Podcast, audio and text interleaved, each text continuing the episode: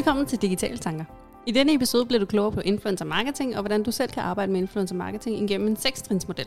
Det hele er bragt til dig af dine værter, Puk og Anita, og episodens gæst, Louise. Digitale Tanker, dit faglige frirum.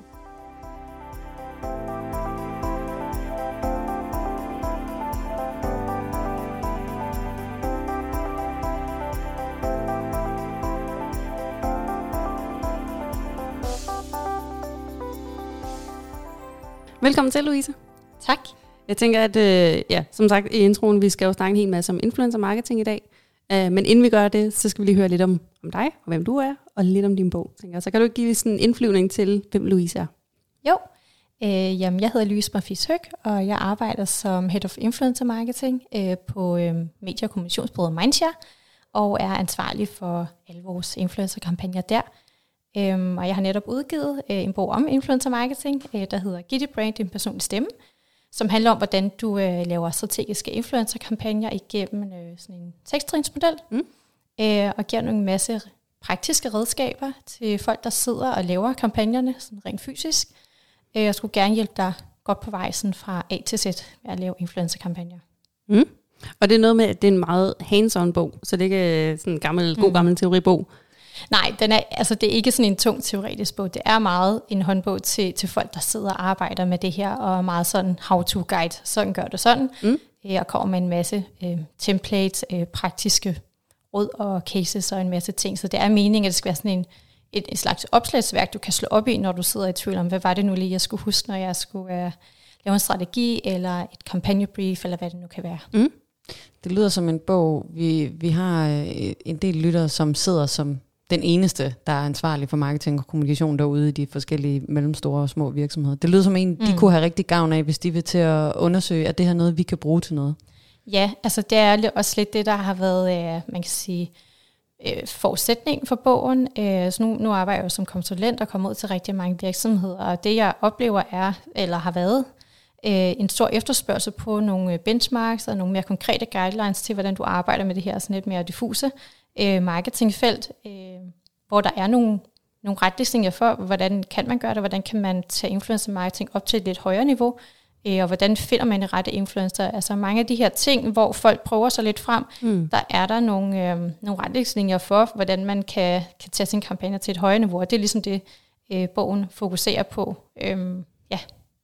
Fedt. Mm. Og vi kan jo lige smide ind, kære lytter, at bogen har selvfølgelig et link i show notes, til ja. hvor man kan købe den. Ja.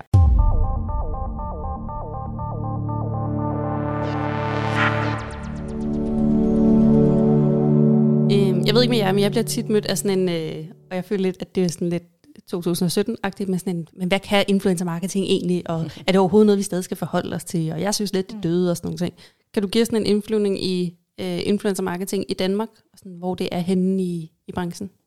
Ja, altså man kan jo sige, altså fra, fra vores side, både os, der sidder og arbejder med det, øh, og også her, altså man kan sige hos os fra Mindshare, så ser vi kun en stigende efterspørgsel på det. Øh, det er jo et medie, der er, bliver mere og mere udbredt, øh, og som bliver mere og mere tilgængelig for, for flere og flere virksomheder. Øh, og det har jo noget at gøre med, man kan sige, prisniveauet. Det er ikke et medie, der bliver billigere, men der kommer jo flere og flere influencer til, øh, og der er flere virksomheder, der begynder at være interesseret i for eksempel mikroinfluencer-kampagner, mm. altså kampagner med de her influencers, der har måske fra ja, 1000 op til 15-20.000 følgere, og de er selvfølgelig billigere at købe end en influencer, der har 200.000 følgere, øh, og det gør jo, at selve feltet appellerer bredere, øh, til, til nogle andre virksomheder, som lige pludselig godt kan være med på de her budgetter. Øhm, og så er det jo, man kan sige, et medie, som, som har en, en meget engageret målgruppe, og et medie, som kan nogle andre ting, end andre mm. medier kan. Øh, der er selvfølgelig også en masse ulemper. Der er en masse kulørte pressesager, og en, en, en snak om etisk ansvarlighed, og en masse andre ting, regulering og lovgivning og sådan noget, som selvfølgelig er en udfordring. Men der er klart en stigende interesse fra virksomheder at investere i det her. Mm. Ja, og vi kan måske lige øh, knytte til, at vi har lavet to episoder tidligere om influencer marketing, og de har netop været, den ene var mere sådan etik moral i den, og den anden var lidt mere, øh, hvordan, hvor stort er det i Danmark, alle sådan nogle ting. Så Ja. det kommer vi ikke så meget ind på i dag. Det bliver mere øh, sådan hands-on praktisk. Du har en dejlig sekstrins guide, du går med sådan en tal, og så guide bagefter. Ja. Mm. Så det bliver mere det, der bliver sådan en ramme for samtalen i dag. Præcis. Så vi, vi, øh, det var vores oplevelse, vi snakkede om i de to andre episoder, så jeg er ret glad for, at vi den her gang har en, der ved noget, har Mhm. skrevet en bog og har øh, noget decideret, vi kan, vi kan tage med. Ja. Ja. Altså, det, det er mega fedt. Enig. Mm. Mm. Vil du starte med at fortælle os lidt om den her, øh, jeg ved ikke, om man skal kalde det en sekstrins guide. Det er vel ikke en guide, det er vel mere en model, eller... Ja, altså egentlig er det jo begge dele. Det er jo egentlig et øh, framework for, hvordan du kan lave influencer-kampagner fra du går i gang til du ligesom laver en afrapportering. Øhm, og det er baseret på mit eget arbejde og det arbejde, vi laver i Mindshare, øhm, og kan egentlig udbredes på alle typer kampagner. Så vil der være nogle gange, hvor man øh, skipper nogle steps, men for det meste, hvis man skal lave de her kampagner, der faktisk giver noget effekt, så burde man gerne lave alle de her seks steps. Øhm, og jeg kan jo lige oprise, man kan sige fra 1 til 6, så starter det med, at man laver en influencer-strategi. Mm. Og det er jo sådan helt basic. Hvad er det, du skal med influencer marketing? Hvad skal du med influencers? Er det overhovedet det rette medie i det hele taget? Fordi nogle gange, så er det jo sådan lidt, når vi har lige en rest i budgettet, vi har lige øh, 50-100.000 tilbage, kan vi lige smide noget influencers på? Og sådan, øhm, det kan man godt, men man kan måske også tænke lidt over, sådan, hvorfor er det, vi skal influencers på? Hvad er det, det kan løfte for os? Hvad er det for nogle målsætninger, vi har? Og hvad er det, vi gerne vil med det her? Hvad er det for nogle platformer? Og ligesom lave hele forarbejdet, altså fodarbejdet, for at man ligesom, før man går i gang med resten af arbejdet. Og det er ligesom det, strategien gør. Step 2 er så at lave et kreativt koncept. En eller anden form for kreativ vinkling. Hvad er det, influenceren skal lave? Altså sådan, skal de bare stå med shampooen og sige, her er en flot shampoo? Eller skal de lave et eller andet, øh, der er måske lidt mere kreativt eller lidt anderledes? Mm. Når man så ligesom har fundet frem til, jamen, hvad er den kreative vinkling, så kan man så begynde at kigge på, hvad er det for nogle typer af influencers, øh, som ligesom kan løse den her opgave. Er det en YouTuber? Er det en Instagram? Er det beauty, lifestyle? Hvad, hvor er vi henne her? Øhm, og når, der er jo så hele den her udvalgelsesfase, som typisk er her, der er mange, der er udfordret, fordi der er jo flere tusindvis af influencers. Mm. Øhm, så der er en masse parametre, man kan kigge på der. Øhm, og når man så har fundet de influencers, man skal bruge, så er der jo en prisforhandling typisk, medmindre man laver ubetalte samarbejder. Men, men samarbejder man med større influencers, vil der altid være betaling. Øh, så der er hele den her prisforhandlingsfase øh, og kontrakter, som man ligesom sørger for juridisk at sikre sit brand, hvis nu influencerne ikke leverer, eller der er nogle, øh, nogle udfordringer der. Mm. Det, det ser man også. Øhm, så det, det er vigtigt at gøre det.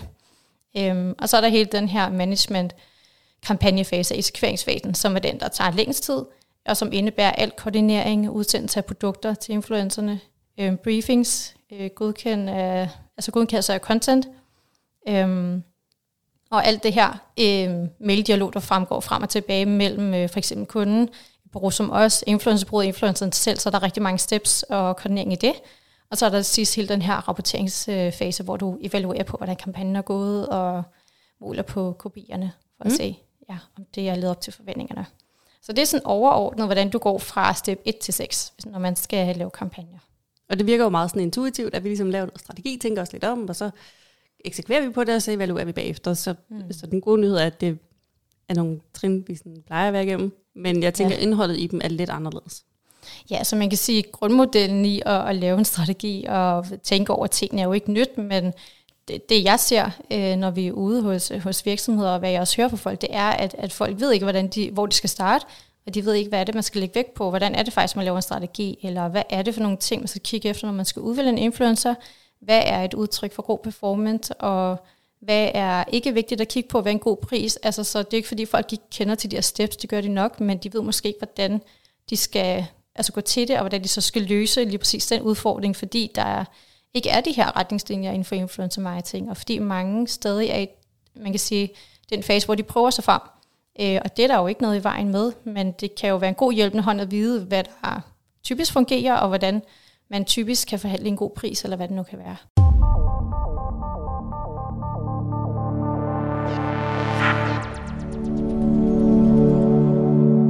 Jeg tænker, inden vi sådan giver os alt for meget kast med indhold og sådan nogle ting, så må vi hellere lige tage første trin, som er strategi. Mm. Hvad skal vi, øh, hvad skal vi her? Ja, i første trin, den er to del, kan man sige. Der er det, man vil sige, der er en overordnet influencer marketing strategi og en kampagnestrategi. Den overordnede strategi er, ligesom du lægger en, øh, en social media strategi for, hvad skal du med dine social kanaler, hvad skal du med LinkedIn, hvad skal du med Facebook, eller hvad det er for nogle kanaler, du har, så er det lidt det samme med influencer marketing. Så den er ikke bygget op på en kampagne, men overordnet, hvad er det her medie skal løfte for os. Er det et øh, consideration-medie, hvor vi skal opbygge præferencer med målgruppen? Øhm, de skal vise produktet i brug og få folk til at forstå, hvorfor det penge er værd. Eller er det bare et rækkevidde, rækkevidde medie? Handler det bare for os om at bruge influencer som eksponering? Øh, og hvad er det egentlig, vi vil med dem? Er det et ambassadørprogram? Eller er det en form for at teste forskellige influencers øh, med kortvarige samarbejder? Så det er egentlig en kortlægning af, hvad er det, vi skal med det her medie. Og det der er stort set ikke nogen, der gør. Ja, altså, der er ikke særlig mange, der får sat ned og lavet det her, men det er rigtig godt givet ud, fordi hvordan kan vi ellers evaluere på succesen af tingene, hvis ikke vi har lavet forarbejde, og vi ikke har sat nogle målsætninger for, men hvis det er, at vi reelt vil bruge influencer som et awareness-medie, så er vi nødt til at lave nogle præposmålinger for reelt at kunne sige noget jo. Øh, det er jo en del af det, og hvis ikke man har sat sig det for, så kan du ikke evaluere på det bagefter. Mm. Øh, og det kan jo lidt være en udfordring, øh, når vi snakker omkring, hvad er effekten af influencer marketing. At der er mange, der ikke får lavet det her, men der er heller ikke særlig mange, der måler på tingene. Så altså, de to ting hænger jo lidt sammen. så det er sådan den ene del af det. Og den anden del er så øh, kampagnestrategien. Så det er sådan helt konkret, når du skal lave en kampagne, hvad er KPI'en? Øh, er det en bestemt CPM? Er det en bestemt engagement rate? Er det et dækningstal, eller hvad kan det være? Øhm, hvad er det for en målgruppe? Hvad er det for et budskab, sådan overordnet set? Hvad er, det, hvad er den kommunikative udfordring? Øhm, så det er ligesom nogle af de steps, man skal have på plads igen for at få lavet forarbejdet, så man ved, jamen, hvad er det, vi skal. Det gør også, at du kan lave en bedre briefing, men helt klart også, at du bedre kan evaluere på det bagefter, og ligesom har tænkt over, hvad er det, vi skal med det her, ligesom man sætter målsætninger for alle andre medieaktiviteter. Og det lyder meget selvfølgeligt, det vil nogle af de her ting gøre, men det sker typisk, altså det, det sker bare ikke altid i praksis. Okay, bare lige for at prøve at oversætte det. Så du laver en influencer-strategi, som er, hvad vil vi bruge øh, det her, den her kanal, medie, øh, samarbejde øh, til generelt, og kampagnestrategien kunne så være, hvis vi skal launche et nyt produkt, så laver mm. vi en kampagnestrategi for det. Så, så yeah. den anden er overlæggeren, og så laver du specifikt for ja, udbredelse eller produktlancering? Eller? Ja, præcis. Det kan jo være ja, et nyt produkt, der bliver lanceret, øh, eller en julekampagne, eller hvad det kan være, hvor den anden overordnede strategi vil måske være en, en, en årsstrategi for, mm. hvad er det, vi skal opnå med influencers i 2020, for eksempel. Ja, og så der tænker jeg også, i den overordnede strategi, kunne man også skrive ind, for eksempel, øh, hvad er vores egne etiske overvejelser ved det her? Hvad er det for en type samarbejde, vi gerne vil have, øh, som, som vi sigter efter? Fordi så får man mm. vel også i strategien sat ind, er der nogen type influencers, vi ikke vil samarbejde med, som ikke giver mening overhovedet? Mm. Det kan det sagtens være. Altså det skal ikke være så specifikt. Typisk vil man ikke være så specifik at sige, det er de her, sådan, den her influencer, men det kan jo sagtens være en type, hvor vi ved, at det er nogle af de her brandværdier, som den her type influencer gerne skal afspejle. De skal være inden for det her segment, fordi det er det, der er vores målgruppe. Øhm, den specifikke målgruppe for influencers vil typisk være et delsegment af ens total målgruppe, fordi influencers jo også er ikke begrænset til, men det er jo primært øh, et medie, der er rettet mod øh, 18 til 35-40 øh. Så hvis det er, at man har en målgruppe, der også strækker sig op til 60 for eksempel, så vil det være det segment, hvor man bruger influencer, så begrænser det til det. Så det er også nogle overvejelser, der giver mening, at influencer marketing fungerer ikke på alle øh, produktkategorier og alle målgrupper, øh, men der er nogle steder, hvor det giver rigtig god mening. Jeg tænker, der er rigtig mange, der først får lavet de her overvejelser, når de ligesom Altså de er lidt startet med at sige, hej, vil du være influencer for den her kampagne? Og så siger influenceren, det vil jeg gerne. Og så får de lavet noget, og så bagefter de sådan, hvad var det egentlig? Altså, ja. Skulle du samle donationer, eller skulle du bare skabe awareness, eller hvad skulle du egentlig?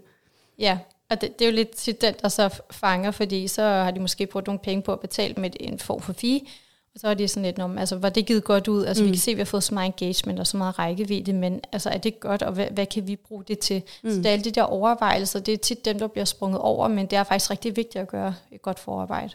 Ja. Igen, fordi det kender vi folk, der har noget marketing. Altså, det er essentielt at, at få sat nogle forudsætninger, før vi går i gang med at lave kampagnen. Mm. Men det er egentlig meget rart bare, det der med, at du siger, at man tænker på det som en kanal, fordi så bliver det netop, når man, ligesom du vil gøre med en anden kanal, lige sætter ned og tænker over, hvad skal jeg bruge den til? så er det faktisk bare det samme her. Så kan det mm. godt være, at kanalen bliver udgjort af nogle mennesker, og ikke noget software, men det behøver ja. ikke altså, ændre på, at vi også skal have en strategi. Jeg tror, det er det, der nogle gange sådan forvirrer folk, eller altså, at, at det er en kanal. Mm. Den består bare af mennesker, men det, det er de samme forudsætninger. Det er et eller andet sted et medieindkøb, groft sagt. Mm. Altså influencer er selvfølgelig meget andet, men det er et medie, du køber for at få en form for eksponering. Fordi det, der jo også definerer en influencer, det er, at de har kanalen til at sprede content. Fordi hvis du bare selv vil stå som afsender budskab, så kunne du køre en social media kampagne. Mm. Forskellen her er jo, at du har en anden, der kommunikerer på vegne af dig til et audience, du ikke selv kan få fat i. Ja, det det giver virkelig god mening.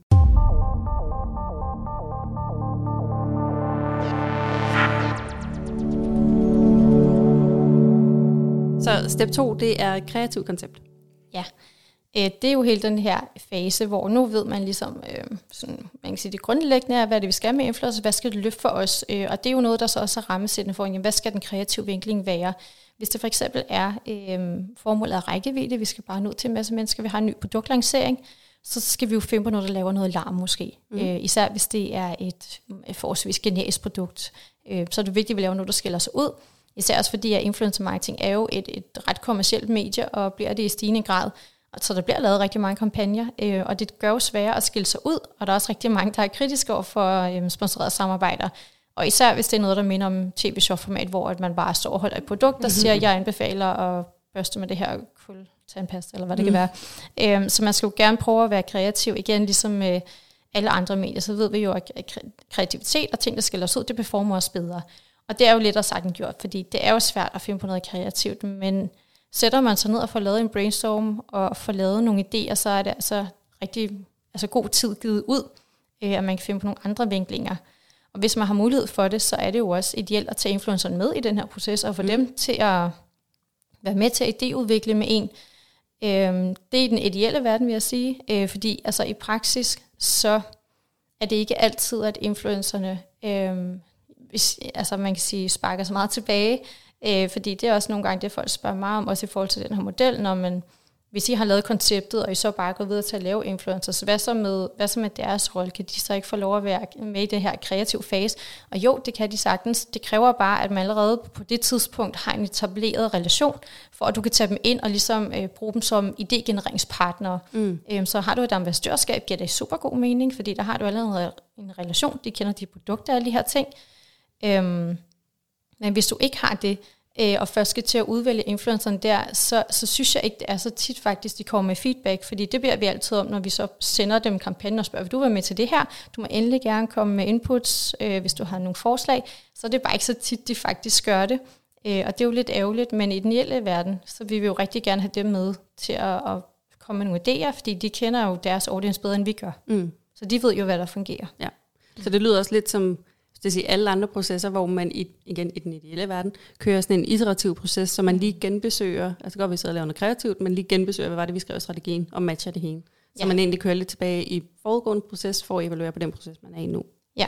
Mm. Ja, det er jo ligesom, når du som, altså hvis vi sammenligner influencer med, med konsulenter eller selvstændige, det er jo, at du skal vinde en opgave, altså give mm. din feedback, give din input, hvordan vil du løse den, mm. øh, før, før du ligesom vinder betalingen, kan man sige. Ja, og det er jo egentlig sjovt, at altså sådan, kunne man gøre det på den måde, i stedet for at ligesom lave det til en pitch, altså influencers skal pitche ind, i stedet for at det er os, der pitcher ind på dem, og så er det faktisk et spørgsmål om pris. Altså så mm. har vi besluttet, om vi vil gerne bruge dig, og det, det har nok også noget at gøre med, at vi køber så meget ind i deres brand, øh, og ikke kun rækkevidde, fordi hvis nu øh, vi snakker en Sofie Linde, eller sådan en type for eksempel, hun har så meget brandværdi, så at vi ved, at vi vil gerne have hende og lægge os op af det, hun siger. Så selvom vi kan finde en influencer, der er lige så mange følgere som hende, så, så kan det være så personspecifikt, at vi vil gerne bruge hende, fordi det afspejler nogle værdier, som vi har. Men øh, jeg tror måske i fremtiden, jamen, der kommer flere og flere influencer, der er så mange om budet, at øh, måske om fem år, så tror jeg, vi står i en anden situation, øh, hvor jeg godt kunne forestille mig, måske et mere pitch-format, at det er influencer, der skal være bedre til at sætte dem selv ind, fordi den eneste måde, de sælger sig selv ind nu, typisk er, at øh, de skriver til nogle virksomheder, øh, hey, jeg har lyst til at samarbejde med jer, eller kunne I være interesseret i at give et ophold, så poster jeg noget content. Øh, og det er der rigtig mange, der siger ja til, for det er jo billig eksponering for dem. Men, men det er sjældent, at altså, influencer pitcher sig selv ind øh, på den måde til forskellige kunder, og det, det tror jeg faktisk, der kommer mere af. Det kunne være interessant at se i hvert fald, mm. hvordan det så vil spille sig, og hvordan det ligesom et eller andet sted forskyder magtbalancen mm. smule også, så det ikke kun er virksomhederne, der kommer og siger, jeg vil gerne have dig. Mm. Hvor meget skal du have for det?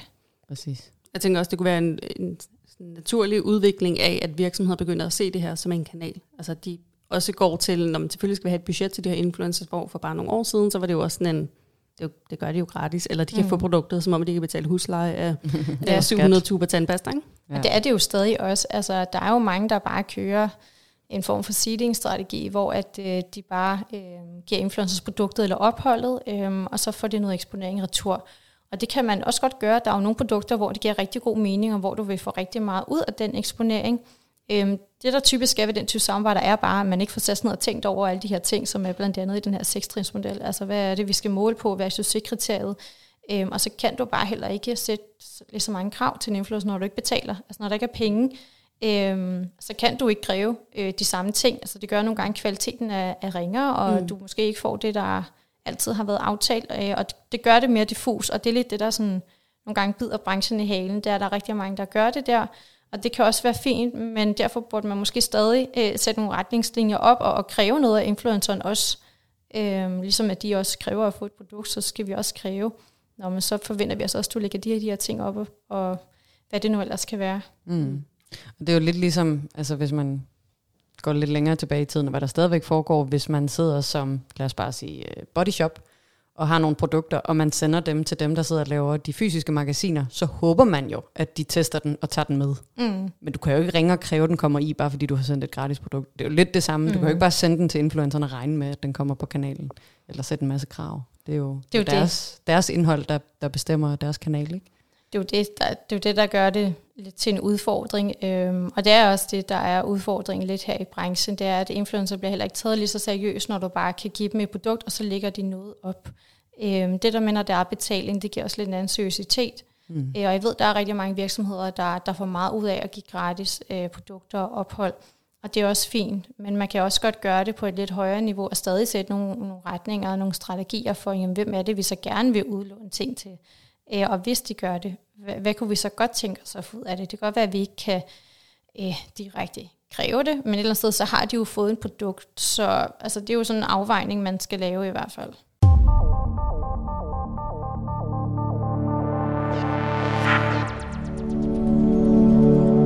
Okay, så vi har styr på alt det kreative, vi har en retning for det. Mm. Så vores næste trin? Så det næste trin er jo så, jamen, hvad er det så for nogle influencer? Så det er hele den her udvalgelsesfase. Så mm. hvem skal så lave den her kampagne, hvem skal oversætte den her kreative ramme? Og det er jo her, der er rigtig mange, der er udfordret. Det er en af de primære udfordringer med influencer marketing. Det er, hvem er det, vi skal vælge at samarbejde mm. med, fordi der er så mange. Og det kan være rigtig svært at skille øh, vandene, kan man sige. Især hvis man ikke selv er til stede på sociale medier og ikke har en føling med, hvem der er inden for hvilke kategorier. Mm. Øh, så, så er det meget svært at vide, hvem det er, der er en og hvem der ikke er. Og der kan det nogle gange godt ende lidt med, øhm, det er i hvert fald også noget, man ser nogle gange ude i virksomhederne, og så er det noget med, at marketingchefens øh, datter følger en eller anden, ah, men så har han hørt om hende, og så bliver lidt sådan noget mavefornemmelse om, hun er sikkert meget cool, lad os booke hende. Mm. Det kan også være, det er fint, men der er en masse andre ting, som er vigtige at evaluere på, hvis vi skal øh, kunne få noget af det her samarbejde. Så der er en masse data, man bør tage stilling til. Øhm, igen for at vurdere, jamen, at en influencer, der har en god performance, øh, nu ved jeg ikke, hvor teknisk vi skal være, men der er jo en masse dataparametre, som mm. er vigtige at tage stilling til. Øhm, og det kræver jo, at man enten beder om adgang til det, eller man køber sig ind i et system, hvor du selv kan gå ind og tjekke de her ting. Det er ligesom den ene del af den kvantitative del. Og så er der jo selvfølgelig også en kvalitativ del, der er mindst lige så vigtig. Altså det er jo, hvad er det for en type influencer? Hvad er det for en målgruppe, hun har? Mm. Hvad er det for en tolestil? Hvad er det, hun snakker om? Er det æstetisk content, hun laver, eller er det meget sådan noget jordnært? Mindre poleret, øh, og hvad er det for, øh, altså hvad, hvad gør det for vores brain image at samarbejde med hende eller ham? Øh, så der, den del er helt klart også vigtig i forhold til, hvad, hvad er det for en brain-person, vi gerne vil udstråle igennem den her profil. Mm. Og hvad er nogle af de data, bare, vi vil ikke mm. sammen, men bare eksempler på nogle af de data, man kan kigge efter? Ja, så helt, helt standard er jo selvfølgelig reach. Øhm, det, er jo, det er jo den primære, man starter med at kigge på, fordi den er, den er afgørende for prisen. Altså i forhold til, hvor mange følgere har influenceren, det, det afgør jo, hvor meget de typisk tager i betaling. Så det er jo ikke noget, hvis man har et budget på 10.000, at du så kigger på en influencer, der har 200.000 følgere. Altså så kan man lige så godt stoppe der. Så selvfølgelig rækkevidden, så er det sådan noget som engagement rate. Øhm, det er selvfølgelig vigtigt for at se, om folk engagerer sig i det, influenceren ligger op. Øhm, en anden ting, som vi altid kigger på, men som er lidt undervurderet, er det, vi kalder reach efficiency rate, som er et udtryk for, hvor en stor en procentdel rammer influenceren af sin totale øh, målgruppe. Mm. Så det vil sige, hvis en influencer har 100.000 følgere, og de har en efficiency på 50 procent øh, i gennemsnit, så rammer de jo faktisk kun 50, altså 50.000 og ikke 100.000. Øh, og det er tit et metric, som man ikke får kigget på. Øh, og hvis der man ikke gør det, så tror man måske egentlig, når man, influenceren har 100.000 følgere, mm. så ergo vil hun kræve betaling for de 100.000. Øh, det tænker man om, det giver fin mening, men hvis det er, at hun kun rammer 50, så burde man egentlig kun kræve at betale for de 50.000. Fordi det andet er potentielt reach og ikke reelt. Mm. Øhm, det er noget, man benytter meget i prisforhandling, øh, fordi igen, antal følger er rammesættende for prisen. Så sådan nogle ting er vigtigt for at tage stilling til, hvad det vi betaler for, og hvor meget dækning får vi det hele taget. Fordi hvis hun så, eller han kun har 50.000, og vores målsætning er 200.000 så er vi nødt til at have nogle flere på. Mm. Så skal vi måske have tre andre på, i stedet for kun to. Mm. Det giver god mening. Er der andet, man skal have med, når man ligesom sidder og udvælger alle de her influencers? For jeg tror, du har ret i, at mange bare, hvis det er til nogle unge mennesker, så finder man en 13-årig, som man lige kender, og spørger, hvem følger du? Og så er det dem, man går med. Er der en ja. anden måde, man kan gøre det, end bare spørge sin datter, eller sin søn? Altså, der er vi, vi bruger øh, et system, der hedder Vumio. Mm. Øhm, det, det er sådan det førende system. Der er måske også nogle andre, men det bruger vi sådan rent datamæssigt til ligesom at skrive nogle parametre ind øh, i forhold til reach og engagement rate, og hvem skal målgruppen være, og så finder vi profiler, og så går vi ind og tjekker med den kvalitative del, når vi så har fundet ud af, datamæssigt passer de her, så kan vi se, hvad er det så for nogle influencer typemæssigt, der passer. Øhm, og der kan det være en god idé øh, at vurdere, om man gerne vil have en influencer, som primært fokuserer på sig selv og sit brand. Mm. Øhm, det, som jeg i bogen kalder indadvendte kameraer. Det vil sige, de vender kameraet mod sig selv. De snakker om sig selv, om deres liv. Det er ligesom det, deres content tager udgangspunkt i. Øh, versus det, der hedder udadvendte kameraer, som er typisk nogle øh, mere niche-ekspert-influencers. Det vil sige, at det kan være, at de tager billeder af alt andet end dem selv. Så deres øh, brand og deres Instagram handler ikke om dem selv, men noget andet, de fokuserer på. Det kan være, hvis man er street style fotograf, så tager du billeder af andre mennesker. Det kan være, at du tager billeder af kage. Igen, det handler ikke om dig, men det handler om et mm. produkt.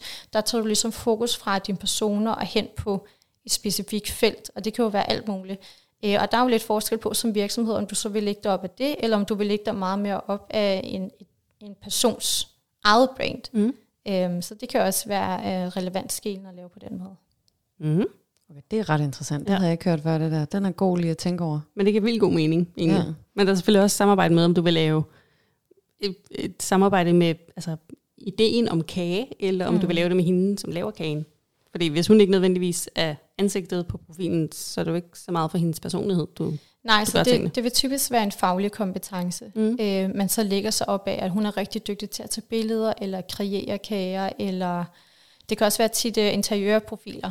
De har jo næsten aldrig billeder af dem selv, men mm. at en flot stue, eller hvad, hvad de nu har sammensat, og så er det meget mere en faglig kompetence, der bliver deres brand, end deres personlighed. Det er mm. faktisk ikke så afgørende. Nogle gange ved man jo ikke engang, hvad det hedder faktisk, fordi det er ikke det, ja. der sådan er i fokus.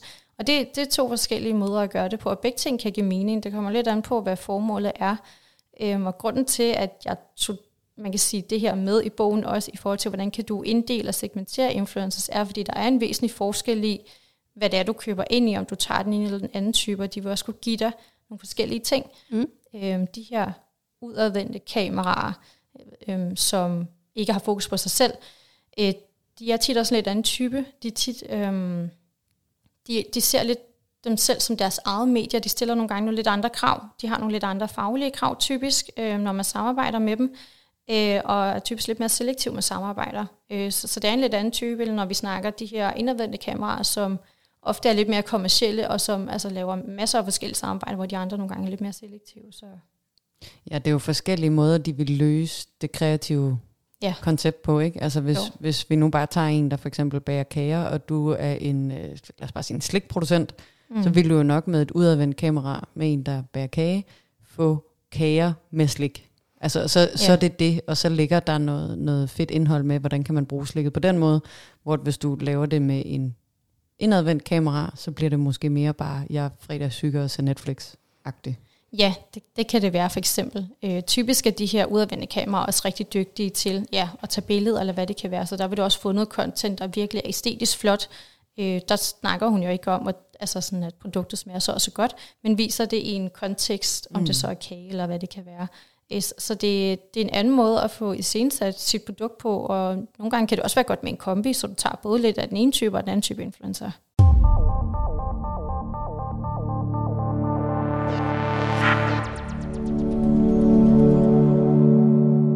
Jeg tænker, at der er så også mange, der sidder sådan, jamen, hvad koster det? Fordi mm. vi skal jo også øh, snakke om lidt, øh, både prisforhandling, yeah. men bare prissætning generelt, fordi som du siger, influencer skal jo være gratis samarbejde for nogen, og så for andre kan det jo koste ja, flere 100.000. Ja, der er jo et kæmpe stort skil, og, mm. og det, det leder egentlig videre til step 4, som er det her med prisforhandlinger og kontrakter. Øhm, og prisforhandling er øh, et meget diffus begreb i mm. det her, fordi der er rigtig mange faktorer, der påvirker, hvad, hvad en influencer tager i pris.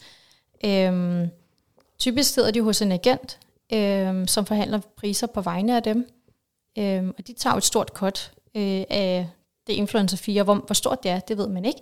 Men altså den måde, de prissætter på, det kan være nogle gange med en fast CPM, som de sætter øh, alt efter, hvor høj værdi de mener, influenceren har, så ganger de det op efter, altså deres, øh, hvor stor rækkevidde de har på kanalerne. Mm. Øhm, de kan også vælge at sige, når man fast for en Instagram-post og tre stories, øh, for sådan en content pack, så koster det det her. Øhm, det er også en måde at prissætte på. Øhm, og så er der nogle gange, hvor at der bare er en værdi, influenceren har, som du ikke kan prissætte. Det kan for eksempel være, hvis vi tager samme eksempel, Sofie Linde er en tv-personlighed. Så selvom hun har lige så mange følgere som en eller en kendt YouTuber, så jeg, nu ved jeg ikke, om de har det samme, men øh, Simone Wulf, et eller andet, øh, kendt YouTuber, så har Sofie Linde en helt anden kommersiel værdi, som gør, at hun er langt dyrere at samarbejde med end en anden influencer, der har lige så mange følgere. Det er, fordi hun er kendt for tv. Øh, så de typer vil typisk være meget dyrere at samarbejde med, end hvad jeg kalder rendyrket influencer, som er dem, der primært, altså deres primære erhverv er at være influencer. Det er jo ikke Sofie Lindes primære erhverv, det er at være tv-vært og alt muligt andet. Mm. Så hun er blevet kendt af andre grunde? Ja. Hun er jo også en influencer, det er hun jo. Øh, man er jo influencer lige så snart man et eller andet sted kan influere andre, og man har en kanal til at gøre det. Mm. Øh, men det er jo forskelligt, øh, hvad de ligger væk på, og Sofie Linde er meget dyrere, ligesom det også vil være, hvis du tager en Sara Grønevald eller en Christiane, eller andre, der er kendt for tv. Den mm. type, for eksempel. Øh, men altså, hvad det koster at købe en Instagram post, altså det kan jo være, igen, det kommer ind på rækkevidden, det kan være alt fra 2.000 til 30.000. Mm. Altså øh, det dyreste medie at købe, det er YouTube, typisk, fordi det tager længere tid at lave, øh, det tager lang tid at optage en video og sidde og klippe i den. Øh, så det, det har også nogle gange selvfølgelig med tidsforbrug at gøre, hvor stories vil typisk være det billigste, øh, fordi det, det ligger ikke det så lang tid på kanalen til 24 mm. timer, men også det, tager, det er typisk også mindre, mindre tidskrævende at lave, end at lave en YouTube-video. Mm. Ja. Og hvad, hvad har, hvor står man hen som virksomhed, når man skal til at prisforhandle? Ikke fordi vi skal mm. ud i sådan en, hvordan presser du influencer ned, men, men hvordan ved man, at den pris, man har fået, er fair? Ja, altså der er forskellige måder at gøre det på, og det er her, hvor man rigtig godt kunne tænke sig, hvor er de her industribenchmarks, altså hvor er det, vi ved, hvad er en god CPM og sådan nogle ting, som vi har på sociale medier. Der ved vi jo godt, hvad det ligger på en, en Facebook-annonce. Det ligger måske typisk på 50-60 kroner. Det er meget svært at sige med influencer, fordi Sofie Linde har en meget højere CPM end, øh, en Simone Wulf. Øh, og det er jo så på grund af den her kommersielle værdi, som jo så skal give øh, også et vægtet afkom. Hun skal jo så mm. også give det ekstra. Og det er jo det, der kan være svært at måle. Men helt konkret, uden at det skal blive alt for teknisk, det man kan gøre, som, som, som vi plejer at gøre, og som jeg skriver om, om i bogen, det er, at man tager udgangspunkt i influencerens data. Det er, at man kigger på, du har så også mange influencer, din reach efficiency, altså det her med, hvor langt de reelt når ud mm. i målgruppen, den bruger vi øh, til at udregne en pris. Så vi spørger dem, vi har der samarbejde med det her indhold for den her kunde. Hvad skal du have for det? Så sender de en pris tilbage. Øh, og der skriver vi typisk til flere forskellige. Øh, og så laver vi et ark, hvor vi skriver dem alle sammen ind. Og så kigger vi på, øh, hvor mange øh, følger har de i kampagnemålgruppen, altså i den rigtige alder og i Danmark, og hvad er deres gennemsnitsrækkevidde. Og så får vi sådan en graf, der viser, når men det pris per følger er her 0,80 kroner for den her influencer, og for en anden vil det måske være 2 kroner. Mm. Og så øh, alt efter, hvad det er for en industri, så har vi nogle benchmarks, der så kan vise, om for, for den her type kampagne med det her content, der plejer benchmarket at være 0,90 per følger. Og så kan vi hurtigt se, om så er den her, der havde 2 kroner, er rigtig dyr. Øhm, og når vi så ved, hvad det her benchmark er, hvis det er 0,90 kroner, så kan vi jo så gange det op med influencers gennemsnit rækkevidde og bruge det som modspil. For det er nogle gange, er det sådan lidt, om de har sagt, at de vil betale det her, og hvordan finder vi ud af, hvad vi skal betale. Øh, så den måde, der kan man udregne meget konkret, øh, modspil øh, og sende til influenceren. Øh, og det fungerer rigtig stærkt i en forhandlingssituation at bruge dataen aktivt, fordi så tager du stilling til, hvad du betaler, men også hvor meget du synes, influenceren er værd. Øh, så på den måde kan man ret effektivt spare mange penge. Mm. Egentlig. Mm. Det er virkelig rart at høre, at der rent faktisk er sådan en, du kan regne dig frem til det på en måde, ligesom du regner en CPM og CPC ja. og alt muligt frem på alle de andre kanaler, så det er heller ikke bare, om ja. det lyder meget færre, eller... Der er også nogen, der udregner per CPM, mm. øh, og siger, at vi, vi regner med en CPM 200, eller hvad det kan være. Mm. Øh, og så kan du så gange de op med influencer reach. Der er flere forskellige måder at gøre det på. Jeg synes, den mest effektive måde er den første, jeg nævnte med, mm. at tage udgangspunkt i dataen, og så udregne en pris per følge, og så gange det op. Øh, men altså, der er mange måder at gøre det på. Ja. Og hvordan i forhold til hele det her med kontrakten? Fordi du sagde tidligere, ja. at det var meget vigtigt, og jeg tænker, mm. der er mange, der springer det over. Det er der, jeg tror, mindre man er en større virksomhed, så er der rigtig mange, der springer det over. Grunden til, at det er en god idé at have, det er fordi, igen, influencer er mennesker, det er et menneskeligt medie, så der kan ske menneskelige fejl, og det gør der, og det gør der tit. Mm. Øhm, tit er det jo ikke med vilje, men nogle gange, så kan man altså også godt være ude for, at uh, influencerne har indgået samarbejdet med man kan sige, falske forudsætninger. Det kan være, at de faktisk ikke kan lide produktet, øh, og det finder du så ud af, når de laver content. Det har jeg prøvet på et tidspunkt, hvor at man kan tænke, altså, det, det giver jo ingen mening. Altså, hvordan kan sådan noget ske? Det virker så selvfølgelig, at sådan noget sker ikke, men det gør det. Øhm, så når der man har en kontrakt, så sikrer man sig jo derimod, at når man, så har du indgået samarbejde på falske forudsætninger. Vi har faktisk brugt rigtig mange tid og ressourcer på at nå så langt i processen. Så skal vi så betale influencerne, skal vi ikke. Øh, og der står du jo i en juridisk situation, hvor du faktisk har en rygdækning. Mm. Det kan også være, hvis influenceren kommer til at samarbejde med konkurrerende brand øh, i den periode, hvor at, øh, du har signet dem. Det må de jo faktisk ikke, øh, for det kan være skadende for, for, for det brand, altså, som man samarbejder med. Øhm, der er det jo så også igen et spørgsmål om, når man skal man så ikke betale dem alligevel, eller hvordan står du stillet? Så det, det er jo ikke, altså de her kontrakter er jo ikke for, at når man skal, skal vi bare sagsøge influencerne, og så skal vi bare sådan sådan, men det er for at sikre virksomhederne, fordi der kan ske rigtig mange ting, fordi igen, det her mennesker, og man kan lave fejl, og selvfølgelig kan man forhåbentlig de fleste gange finde ud af det, men øh, jeg har prøvet flere gange, at øh, vi har været nødt til at tage fat i kontrakten. Nogle gange så kan det også være, at de lige pludselig bare ikke svarer en uge, eller ikke poster, hvor man har aftalt, og så svarer de bare ikke. Mm. Altså, hvor der, der er du nødt til at have nogle kontrakt, så du kan hive den frem og sige, det er altså et kontraktbrud, hvis ikke du vender tilbage og gør det her. Ja. For ellers så har du spillet rigtig mange altså penge og tid på noget, som ikke øh, bliver til noget. Mm. Er der dele af den her kontrakt, som sikrer influenceren på noget måde? Øh, ikke dem, vi har. Nej. Eller, altså, jo, man kan sige, selvfølgelig står der også noget med, at de skal følge markedsføringsloven og noget, som også er i deres interesse, men man kan sige, at de virksomheder, vi har nu, vi er jo også medie- og kommunikationsbureau, det er jo primært for at sikre vores kunder, mm hvor at jeg, jeg tænker, at influencerbureauerne har nogen, der sikrer influenceren selv. Og selvfølgelig skal det jo ikke være sådan, at det er os mod dem, og vi vil ikke gøre det, der går for influencer. Selvfølgelig skal vi det. Men vores arbejde er jo at sikre virksomhederne, hvor mm. influencerbureauernes job er jo at sikre deres profiler. Så at, jeg håber, at de tager hånd om dem på den måde. Mm. Øh, og selvfølgelig er det altid en dialog. Altså, forhåbentlig skal man ikke ud i en sag omkring tvister i en kontrakt, så forhåbentlig kan man løse det inden. Men kan man ikke det, så, så er det eneste, man kan falde tilbage på, det er jo kontrakten, hvad det er, man har skrevet under på. Ja. Så det kunne måske også være sådan en tendens i fremtiden til, at influenceren selv kommer med en kontrakt? Ja, altså vi sender den jo til den og siger, hvis du har nogen input eller noget, du gerne vil have skrevet ind, så gør vi det jo mm. selvfølgelig. Øh, typisk er det ikke, fordi at der er noget at tilføje. Øh, så det er jo ikke, fordi det er en, det er en ret standard kontrakt. Mm. Men, øh, men i fremtiden kunne det være altså, fint, hvis influencerne også selv har nogle ting, som de gerne vil have, også går den anden vej. De stiller ikke så mange krav, af min erfaring, i forhold til lige med det der. Det er i hvert fald ikke noget, jeg har, har oplevet på den måde. Mm. Nej, det er jo det samme til, når man underskriver en ansættelseskontrakt, eller når du underskriver en, en opgave i forhold til konsulenter. Altså, der står noget med leveringstid, der står noget med, hvad sker der, hvis, øh, for eksempel også hvis man holder foredrag. Hvad sker mm-hmm. der, hvis øh, dem, der har booket, der øh, aflyser dagen før? hvor meget af beløbet betaler de så? Er det 100%, fordi der er så tæt på, eller er det 50%? Mm. Eller, så på en eller anden måde, så vil en kontrakt jo alt andet lige altid også dække influenceren. Den gør det bare på, på nogle måder, som influenceren måske ikke, netop fordi de ikke har givet feedback, mm. selv melder ind, at jeg, jeg vil gerne have tre uger til at eksekvere det her, selvom I siger en uge. Og det er fordi, mm. jeg vil gerne bruge første uge til at tænke over det, jeg vil gerne bruge næste uge til at producere, og så sidste uge til ja. at... Altså, og sådan nogle krav skal de jo selv kunne stille. Ja, altså. ja, for eksempel. Øh, og så der står jo også, at vi skal betale samarbejdet inden x antal dage fra, at kampagnen afsluttes. Så sådan nogle ting sikrer selvfølgelig også dem, at der står, at vi betaler fakturen, vi sender til den her adresse og sådan nogle ting. Så der er selvfølgelig nogle ting, der sikrer dem. Men udgangspunktet er øh, at sikre brandet og sikre samarbejdet. Men igen, det går begge veje. Mm. Altså, og igen, så kan de jo selvfølgelig komme med input, som det nu er med kontrakter.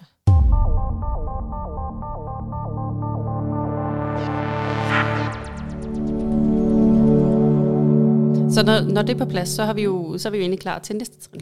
Ja, altså så kan man sige, nu er alt forarbejde gjort, så nu skal vi i gang med hele eksekveringsfasen, som er step 5. Fordi nu har vi ligesom fundet ud af, hvad, hvorfor skal vi lave den her kampagne, øh, hvad, hvad skal den handle om, hvad er det kreative, hvad for nogle influencers skal vi lave, og hvor meget skal vi betale for dem. Så der er ligesom alt det på plads, så nu skal vi bare i gang med at eksekvere. Og det man øh, starter med at gøre, det er at lave en briefing, altså en kampagne brief til influencerne. Øh, og det er egentlig... Øh, Ja, altså udgangspunktet for hele kampagnen. Det er en beskrivelse af, hvad er det, de skal lave. Hvad handler kampagnen om? Øh, hvad er det for nogle contentstykker? Altså er det en Instagram-post? Er det en story? Er det et blogindlæg? Hvad er det?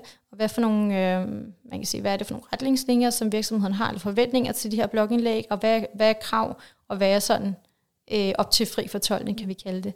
Øh, det er det, en kampagnebrief indeholder. Mm. Og som udgangspunkt, så laver vi ligesom et udkast til det, og sender til influenceren, og så beder vi dem om at give feedback ligesom jeg nævnte tidligere med den her øh, knorkampagne, hvor vi laver den kreative ramme. Det var den, der bliver beskrevet i briefen. Og vi skriver, at du skal lave en YouTube-video, du skal nævne, den er sponsoreret af Knor, og det her med ventetid og snackpot-tid. Men de her challenges, du skal lave, dem må du gerne komme med input til. Så det er en blanding af nogle krav for virksomheder, for der vil jo altid være nogle med, du skal tage det her, du skal bruge de her tekst, du skal gerne nævne, det tager fem minutter at lave den, eller hvad det kan være. Mm. Men der skal også gerne være noget op til fri fortolkning, så det er ikke et manuskript på, sig det her, fordi det vil typisk en rigtig dårlig ud med noget, der er meget sensat og sponsoreret. Så det skal gerne være en afvejning, øh, så fungerer for begge to.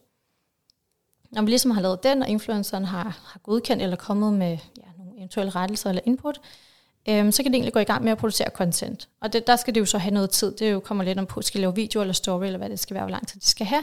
Og når de så har produceret det content, så sender de det til os. Øh, for igen, det er så her, vi kommer til, at vi skal godkende det. Og der bruger vi ligesom Beam som sådan en checkliste. Har de så tagget det her? Har de stadig det her rigtigt? Har de nævnt de her ting, som er vigtige? Og har de, øhm, altså, hvordan har de fortolket det her koncept? Er det spot on? Øh, mangler de lige at nævne det her? Eller hvordan fungerer det i det hele taget. Øhm, og der kommer man, kan man jo så komme med korrektioner, selvfølgelig inden for rimelighedens grænser. Mm. Øhm, men altså typisk så vil der altså, være nogle små rettelser, øhm, og det er influencerne er helt fint med på, det er de vant til. Nogle gange kan det være en god idé at at aftale, hvor mange retterunder er der. Fordi ellers så kan, altså, også for influencerens skyld faktisk, fordi nogle gange, hvis det er for meget frem og tilbage, så når det med, det bliver ja, ikke særlig godt, fordi så er det, det bliver forstyrret, mm. øh, men også fordi det er altså tidskrævende, og det er også nogle gange, det er ikke helt, folk ikke helt øh, måske har respekt for, at det, om så laver de lige et billede, og så tjener de 15.000 på det. Det er faktisk tidskrævende øh, at lave content og lave godt content, og influencerne bruger også tid på det, man skal også have respekt for den tid, de bruger, mm. øh, og på, man kan sige, deres øh, kreativ tolkning, Øhm, så man skal afveje, hvor meget man vil gå ind og ret på. Men selvfølgelig, hvis der er noget, der ikke fungerer, så skal man også i talsætte det. Der er vel også et stort element af, at influenceren skal jo kunne stå inden for det. Altså det er jo også deres mm. brand, de lidt sælger en del af, kan man sige. Præcis. Så, så hvis de mener, at de har sendt det bedste bud, de synes, det her det er det fedeste content, så det kan godt være, at vi sådan, ah, men kunne du måske lige det her? Det er også okay. Men hvis man helt radikalt vil lave det om, så skal man måske overveje, om man prøver at styre for meget, eller at eller om det er fordi, det vidderligt er for dårligt til, at det kan blive mm. postet. Ikke? Det vil kun være i grælde tilfælde. Ikke? det er typisk, at det jo, altså har man jo valgt nogen, som man mener er dygtige, og som man ved laver noget godt indhold. Så altså, forhåbentlig når man ikke ud der. Øhm, så, ja. så man kan sige, hvis det så er godkendt, der er lavet nogle rettelser, så kan de jo sådan gå i gang med at poste. Øh, så for os som virksomhed, det der så er tilbage i det step, kan man sige, det er at lave contentplaner. Øh, det vil typisk være, altså uanset om du har en influencer eller flere, men det er egentlig en plan for, hvornår skal de poste hvad. Øhm, og det har at gøre med typisk, så vil der jo være mere end et stykke content på en kampagne. Der vil jo ofte være både en Instagram-post og nogle stories, som ligesom supporterer hinanden, fordi de kan to forskellige ting. Øhm, så der skal man lave en plan for, hvornår skal de postes, og hvor lang tid skal der gå imellem. Øhm, og der er det vigtigt at tage højde for sådan nogle ting, som har influencer nogle andre samarbejder den uge.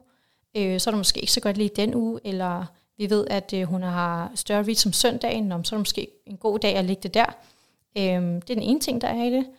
Øhm, den anden ting er så, hvis du har flere influencer på en tankkampagne, øhm, der skal man jo helst stikke ud i at lave noget, der minder om, ja, nu kan vi sige Lunaway eller noget lignende, mm. hvor der bliver postet rigtig meget af det samme på samme tidspunkt med en meget generisk budskab. Øhm, det kan fungere rigtig stærkt i forhold til brand awareness. Øh, det får bred dækning, men folk bliver rigtig hurtigt irriteret og swiper bare videre. Alt andet lige må det give en ringere effekt. Øhm, så det er vigtigt, at man er lidt, øh, altså man, man tænker over de her kontempleringer, for hvis du har 10 influencer, så skal du lave en plan, der giver mening, så de ikke alle sammen poster samme dag. Øhm, man kan sige, at i forhold til frekvens, er det jo også effektivt, at øh, man kan sige, målgruppen følger jo tit flere influencers. Mm. Øh, der vil tit være et overlap, fordi følger man inden for beauty, så følger du måske 20 influencers inden for den branche, så du vil se nok den her kampagne flere gange, men af forskellige profiler. Mm. Så udnyt den her frekvens, der kan være ved, at så kører influencer 1 i første uge, så kører influencer 2 i anden uge og så videre, så opbygger du egentlig en frekvens øh, over tid, som giver mening frem for at skyde det helt ud inden for en uge, øh, så virker det også typisk meget sponsoreret, fordi sådan, Nå, okay, så nu har Influencerland lige øh, alle sammen samarbejdet med dem her, og så kører Jodel på det. Øh, så det, det skal man være altså påpasselig med i hvert fald. Mm. Sådan har jeg haft det med ja. Simple Feeds feast siden i sommer, hvor jeg var sådan, jeg tror, jeg har fattet, hvad måltidskasser er nu. Stop nu! Ja. Jamen, der, der er nogen nemlig, hvor at de, de skyder det helt ud, og der er forskellige måder at gøre det på, men altså, det, det kommer også lidt an på, hvad er formålet med ens kampagne. Er det mm. en længerevarende kampagne, hvor at det er et svært produkt, som kræver noget repetition, altså igen noget frekvens, eller er det en ny produktlancering, så er det måske okay, der kommer lidt meget i starten, men, men altså typisk, og nu, det ved jeg selv som Instagram-bruger, nu kan jeg også høre for jer, at altså folk er rigtig hurtige til at fange det her. Altså hvis der er tre af de samme, der lægger noget op samme dag, så bliver man irriteret, fordi så er det bare rigtig tydeligt, at de har fået penge for det. De må gerne lave sponsoreret samarbejde, men man kan også godt gøre det lidt mere taktisk. Mm. Så det her med contentplaner er faktisk også ret vigtigt, synes jeg. Helt klart, og det er også, altså nu, jeg brugt lang tid på skip swipe, sagde du, som du sagde, mm. hver gang der var noget om Simple Feast. Men alligevel tog jeg mig selv i for nylig, da jeg skulle i sommerhus en weekend, og tænkte, vi kunne da bare lige bestille Simple Feast og tage med i sommerhus. Det var da meget smart. Jeg var sådan, mm. damn, jeg, I got influenced. ja. Det er også det, så, så det kan jo sagtens fungere, øh, så det er ikke, fordi man bare skal havle de virksomheder ned, der gør det. Det kan sagtens fungere. Jeg tror bare, og altså min holdning er, at du burde kunne opnå den samme effekt, men uden at gøre folk irriteret. Mm. Altså, så egentlig have det samme budskab, samme med antal influencers, men bare sprede det over længere tid, så folk ikke når at blive irriteret. Øh, fordi man kan sige, jeg tror ikke, det måske er så godt for, man kan sige, deres branding, altså at du bliver irriteret over deres markedsføring, men det kan godt være, at du så brander once, og du kan godt huske dem. Mm. Men irritationen er måske, øh, den kunne godt være undgået, tænker jeg, hvis man har lagt det sådan lidt mere spredt, for eksempel. Mm. Hvor meget dialog har I med influenceren under hele den her eksekveringsfase? Mm. Altså typisk er du igennem agenten, så vi snakker øh, ikke så altid direkte med influenceren, fordi det går igennem agenten, mm. øh, men der er rigtig meget dialog mellem altså agenten og os og kunden, eller hvis, hvis de ikke har et bureau på, så vil der være, være, altså vil det være, vil der være meget dialog kun mellem, øh, man kan sige, øh, influencerbureauet og kunden selv. Mm. Øh, der er rigtig meget frem og tilbage. Der er jo rigtig mange spørgsmål til briefen for eksempel. Har de nogle, øh, har de nogle inputs til det? Øh, er content godkendt? Skal der være nogle øh, revideringer? Hvad for nogle datoer passer, de kan poste? Så kan hun poste her, og så siger den anden influencer, at jeg kan kun den uge, så skal du lave det helt om. Og især hvis du har flere, så skal de, fordi så har de sponsoreret, så skal de på tv-optagelse, så kan de ikke der. Mm. Og, så der er meget koordinering i det. Øh, og så også udsende produkter. Øh, sørge for, at de får produkterne i tid, så de har nok øh, tid til at lave content, øh, og contentet skal sendes frem og tilbage. Så der er rigtig meget dialog, og det er meget øh, mailtungt. Mm. Øh, det er også derfor, man kan sige, at influencer marketing er meget relationsbaseret, fordi der er rigtig meget mails frem og tilbage. Og den her gode tone, synes jeg faktisk virkelig er vigtig også at mm. fremhæve i, altså sådan, det er tit noget, som jeg i hvert fald også vægter højt, når jeg skal evaluere et samarbejde. Et er, hvor effektivt det er, altså hvor godt, hvor godt har kampagnen virket, men det er altså også ret vigtigt, at man har haft en god dialog med influencerne, om de reelt set virker, som om de synes, det er et fedt samarbejde, har de gjort sig umage alle de her ting. Fordi nogle gange, så er det altså ikke altid, at øh, der er helt god, altså en god dialog, og det, det er lidt ærgerligt, synes jeg, mm. hvis det er sådan der. Ja. ja, der vil nok også være nogle gange, hvor man altså, møder hinanden igen, så går der to år, så har man et nyt produkt, og influenceren er sjovt nok stadig relevant, så hvis der har været en dårlig dialog, så øh, har man lidt dræbt det for sig selv.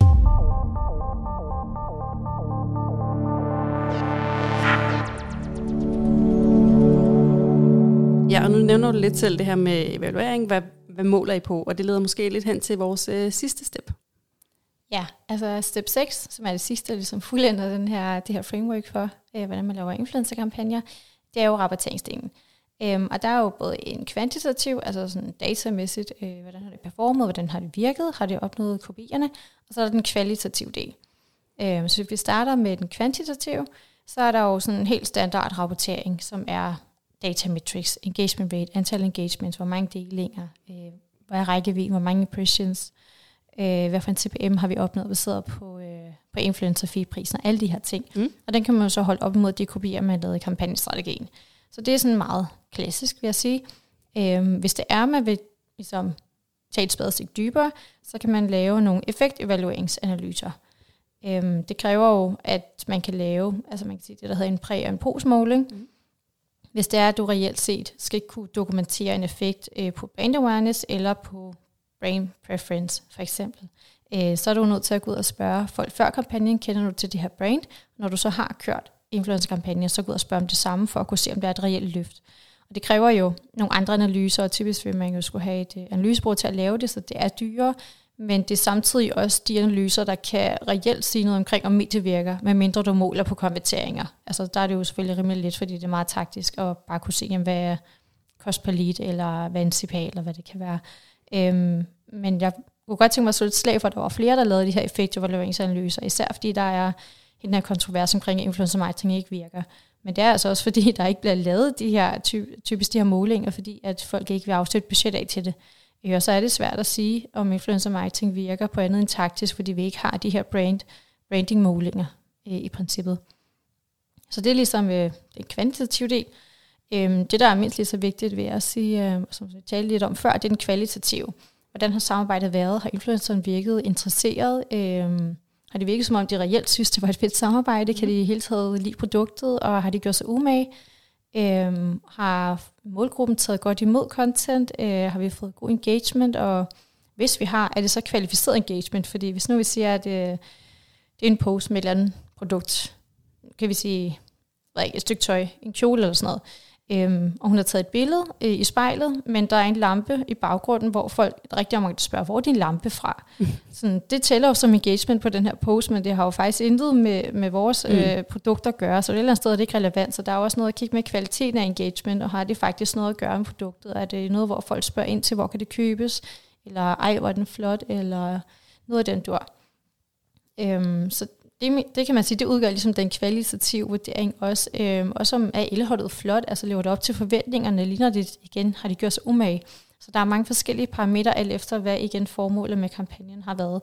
For hvis det har været at vise produktet i brug, for eksempel i en tutorial, øhm, så er det selvfølgelig vigtigt at se, om de her øh, forskellige steps, der er i en tutorial, altså sådan, giver det mening, er den klippet godt, øhm, er den for lang, eller virker det som om, hun rent faktisk ved, hvordan man bruger det her produkt. Der er mange ting, man kan kigge på, som er, altså det er jo en kvalitativ vurdering, om man synes, det er godt. Mm. Og den evaluering, er det en, man laver i virksomheden, eller laver man den, altså er der dele af evalueringen, hvor man laver den sammen med influenceren? Altså typisk så er det jo virksomheden, der laver en evaluering, altså datamæssigt, altså så kan det godt være, at de får data fra influenceren. Det kan også være, at de selv trækker det, hvis man har et system til det. Øhm, men det, som vi altid gør, er at spørge influenceren selvfølgelig også, hvad synes du om det her samarbejde? Hvad har din erfaring med det været? Hvordan føler du, at øh, dine følgere har taget imod det? Øh, har det været sjovt? Altså, øhm, og det, der overrasker mig, er, at når vi gør det, så er der mange, der synes, ej, hvor er det fedt, du spørger mig, tak for det, og sådan noget. Det er der ikke så mange, der gør. Jeg tror, der er mange få virksomheder, det er i hvert fald sådan, det lyder, øhm, som faktisk er interesseret i at høre, hvad influenceren selv synes. Øh, fordi de kan jo trække dataen, og hvorfor er det så vigtigt mm. at spørge dem. Men igen, altså, det er jo et menneske, vi har med at gøre. Det er et menneske medie, så selvfølgelig skal vi da spørge dem, hvad deres erfaring med det er. De har også en anden føling med, hvad har folk skrevet i deres DM's på Instagram, for eksempel omkring den her kampagne. Det er jo ikke noget, vi ved, og det er ikke nødvendigvis noget, der er med en rapportering. Det siger jo noget omkring sådan lidt feeling med, hvordan har målgruppen taget imod det her. Så hvis man kan lave, altså med input fra influenceren, er det klart en fordel. Mm. Fedt. Jeg synes, at hele det her framework, det giver super god mening, og jeg kan godt se, at der er mange øh, man kan gøre det hele på en meget anden måde. Ikke bare lige for diplomatisk set og sige, at der er også en bedre mm. måde at gøre det på. Øh, og det er ret, sådan, man kan dele det op i flere steps, så det bliver sådan lidt mere øh, konkret. For jeg tror, der er mange, der bare sådan sidder og tænker, om noget til nogle unge. Jeg ved, min datter ser meget med hende her. Hun kan ikke koste så meget, så skal hun bare gøre det her. Mm. Og så, ja, det var vel meget fint. Altså, så processen bliver sådan rimelig mudret og sådan lidt øh, boomer-agtig.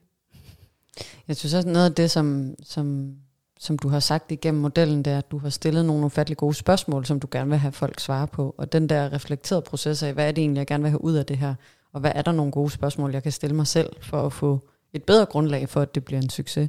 Altså mm. det, er jo, det er jo tit så er, tit så er nogle opskrifter og modeller ret banale, hvis man bare hæver overskrifterne mm. ud det, som de jo kan, det er de rigtige spørgsmål ned i, de rigtige emner, de rigtige refleksioner, de rigtige tal og data, ligesom du har med med øh, analysen af, af hele markedet. Ikke? Mm. Det er jo det, der gør, at den her model bliver rigtig stærk, og at man netop kan, kan få det her indtryk af, hvordan ser det ud i Danmark, og hvad betyder det for mig, når vi vil gøre det her.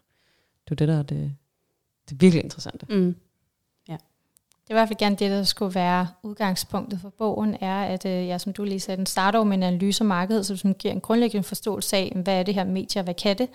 Øh, og så ja, den her seks- sekstrinsmodel skulle gerne være ligesom et opslagsværk. Så når mm. Mm. man sidder der og sådan, om jeg har faktisk godt styr på øh, strategien og det kreative, men jeg er lidt i tvivl om, hvad er det for nogle dataparametre, jeg skal kigge på, og hvad er en god engagement rate egentlig? Mm. Så er det sådan noget, man vil kunne slå op på og bare lige sådan, bruge som sådan en checkliste i princippet. Det er mega fedt. Har vi mere? Jeg, jeg har ikke mere spørgsmål. Så er det... Tænker vi, vi er kommet igennem den i hvert fald. Ja. Det har i hvert fald været mega fedt at have dig på søg øh, og, og blive lidt klogere på influencer marketing. Jamen, det var en fornøjelse. Så det var alt for den her episode om influencer marketing. Du kan som altid følge med på Twitter, og du er mere end velkommen til at skrive til os på digitaltankerpodcast.gmail.com. Vi håber, at episoden satte gang i dine digitale tanker, og at du nød en stund i dit faglige frirum.